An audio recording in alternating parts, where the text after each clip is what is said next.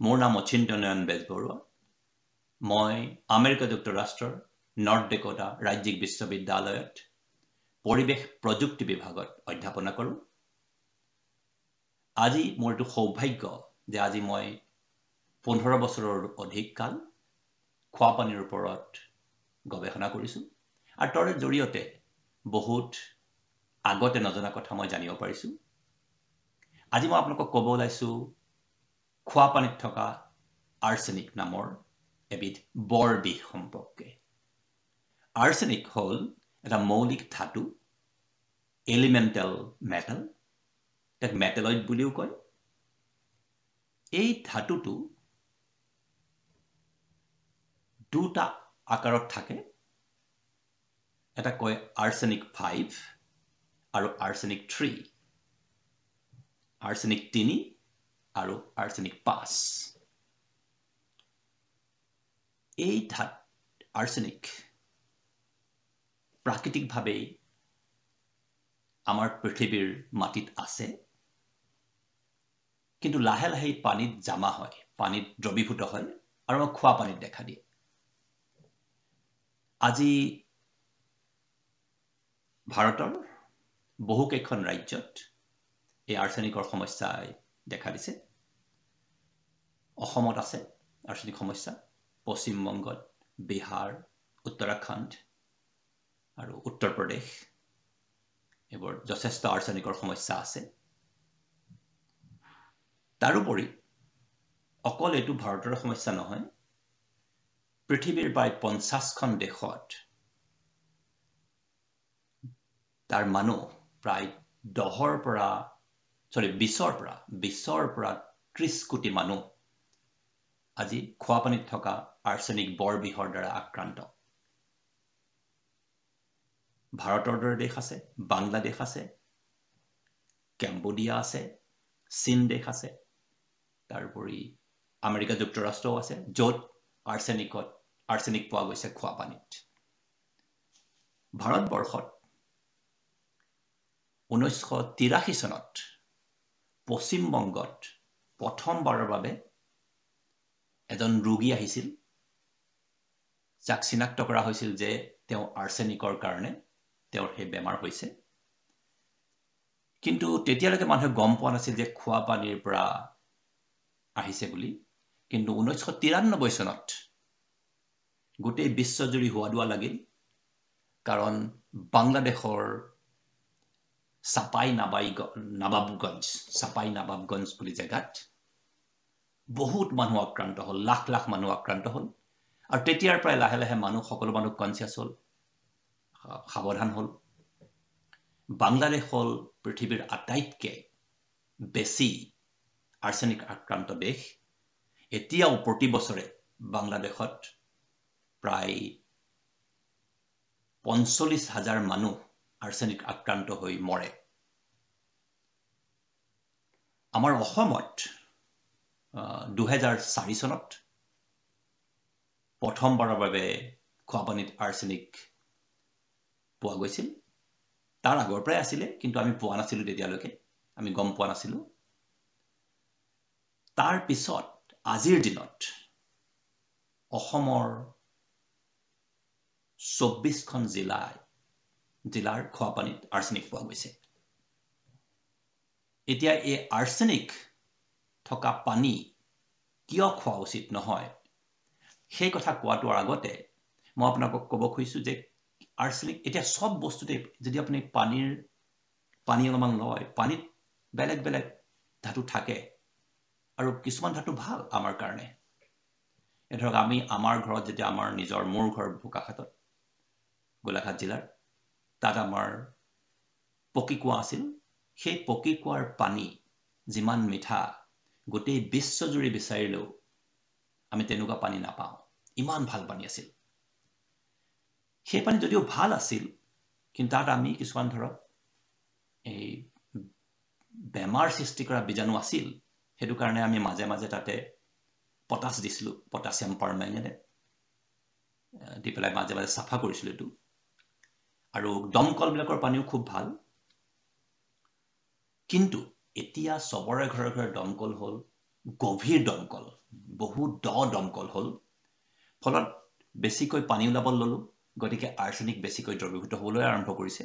আমাৰ প্ৰতি লিটাৰ খোৱা পানীত যদি দহ মাইক্ৰগ্ৰামতকৈ বেছি আৰ্চেনিক থাকে তেতিয়াহ'লে আমাৰ শৰীৰত বিষক্ৰিয়া আৰম্ভ হয়। এতিয়া দহ মাইক্ৰগ্ৰাম মানে কিমান আপুনি যদি এচামুচ চেনি লয় ধৰক সেই চেনিখিনিৰ ওজন চাৰি গ্ৰাম এতিয়া এই চাৰি গ্ৰাম চেনিক যদি আপুনি চাৰি লাখ ভাগত ভাগ কৰে আৰু তাৰে এটা ভাগ লৈ এক লিটাৰ পানীত যদি আপুনি দ্ৰৱীভূত কৰে তেতিয়া সেইটো হ'ব দহ মাইক্ৰগ্ৰাম প্ৰতি লিটাৰত এতিয়া নতুন গৱেষণাই আমাক কয় যে আনকি পাঁচ মাইক্ৰগ্ৰাম প্ৰতি লিটাৰত যদি আৰ্চেনিক থাকে সিও আমাৰ শৰীৰত অপকাৰ কৰিব পাৰে। এতিয়া এই শৰীৰত কি কি অপকাৰ হয়? বেলেগ বেলেগ বেমাৰৰ উপৰিও এই আৰ্চেনিকে শৰীৰত কৰ্কট ৰোগৰ সৃষ্টি কৰে বিভিন্ন অংগৰ কৰ্কট ৰোগৰ সৃষ্টি কৰে। কেঞ্চাৰ হয়। এতিয়া আমি কেনেকৈ গম পাম? যে আৰ্চেনিকে মানুহক অপকাৰ কৰিছে নেকি? যে আৰ্চেনিকে যেতিয়া আমাৰ সদায় খাই সদায় আৰ্চেনিকত থকা পানী খাই খাই যেতিয়া বেমাৰ হ'বলৈ আৰম্ভ কৰে সাধাৰণতে দেখা যায় বহিৰ প্ৰকাশ এটা হয় যে ছালত খহুৰ নিচিনা হয় আমাৰ হাতত খহু হয় ভৰিত খহু হয় ঘাঁ হয়। তাৰোপৰি আমাৰ যিটো স্নায়ু যিটো নাৰ্ভাছ ছিষ্টেম সেইটোক অপকাৰ কৰে। আমাৰ শ্বাস প্ৰশ্বাসত অপকাৰ কৰে। তাৰোপৰি আমাৰ যিটো হৃদযন্ত্ৰ হৃদযন্ত্ৰত অপকাৰ কৰে যিটো আমাৰ কাৰ্ডিঅ'ভাস্কুলাৰ ছিষ্টেম তাৰোপৰি আমাৰ যকৃত লিভাৰ বৃক্ক বা কিডনী আৰু মূত্ৰাশয় আৰু মূত্ৰাশয় গ্ৰন্থি বা প্ৰষ্টেটৰ বেমাৰ হয়। আটাইতকৈ ডাঙৰ কথাটো হৈছে যে আমাৰ শৰীৰত যিটো বেমাৰ প্ৰতিৰোধী ব্যৱস্থা আছে যিটোক আমি কওঁ ইমিউন ছিষ্টেম সেই বেমাৰ প্ৰতিৰোধী ব্যৱস্থাটো সদায় আৰ্চেনিক থকা পানী খালে দুৰ্বল হৈ পৰে। আৰু ফলত যিমানবোৰ বেমাৰৰ কথা ক'লো সেই বেমাৰবোৰ লাহে লাহে হ'বলৈ আৰম্ভ কৰে আমাৰ। সেইবোৰে জোৰ পাই উঠে তেতিয়া। তাৰোপৰি আমাৰ শৰীৰত বেলেগ বেলেগ ভাল কামৰ কাৰণে শৰীৰে হৰমন প্ৰডিউচ কৰে। সেই আৰ্চেনিক থকা আৰ্চেনিক যদি শৰীৰত জমা হ'বলৈ আৰম্ভ কৰে সেই আৰ্চেনিকে আমাৰ হৰমনৰ যিটো বনোৱাৰ পদ্ধতি তাত আঘাত কৰে। আৰু আটাইতকৈ ডাঙৰ কথা হৈছে যে আমাৰ সৰু সৰু যিবিলাক আমাৰ ল'ৰা ছোৱালী আছে সেই সৰু সৰু ল'ৰা ছোৱালীৰ শৰীৰৰ বৃদ্ধিত তাৰোপৰি মগজুৰ বৃদ্ধিত আৰ্চেনিকে বাধা দিয়ে। আনকি সৰু সৰু ল'ৰা ছোৱালীৰ বুদ্ধিৰ মাত্ৰা কমি যোৱাৰো উদাহৰণ আছে আৰ্চেনিক থকা পানী খোৱাৰ কাৰণে। আৰু বহুত ক্ষেত্ৰত হয় কি সৰু সৰু ল'ৰা ছোৱালীয়ে যেতিয়া সৰু থাকোঁতে আৰ্চেনিক শৰীৰৰ ভিতৰলৈ যায় তেওঁলোকৰ সেই সৰু থাকোঁতে হয়তো একো অপকাৰ দেখা নাযায়। কিন্তু গৱেষণাই কৈছে যে চল্লিছ বছৰৰ পাছতো সেই সৰুতে খোৱা আৰ্চেনিকে মানুহৰ হৃদযন্ত্ৰ হাওঁফাওঁ আৰু বৃক্ক বা যকৃতৰ বেমাৰ কৰিব পাৰে। এতিয়াও আমি আমাৰ এই আৰ্চেনিক থকা পানী খোৱাৰ কাৰণে কি কি কৰ্কট ৰোগ হ'ব পাৰে? এতিয়া মূলত ছালৰ কৰ্কট ৰোগটো অতি সাধাৰণতে দেখা যায়। তাৰোপৰি হয় আমাৰ যকৃতৰ যকৃত বৃক্ক তাৰোপৰি আমাৰ মূত্ৰাশয় গ্ৰন্থি এইবিলাকৰ কৰ্কট ৰোগ হয়। তাৰোপৰি আমাৰ যৌন অংগৰ কৰ্কট ৰোগো হ'ব পাৰে। তাৰোপৰি মূত্ৰাশয়ৰ মূত্ৰাশয়ৰ কৰ্কট ৰোগ হোৱা দেখা গৈছে বহুত ক্ষেত্ৰত।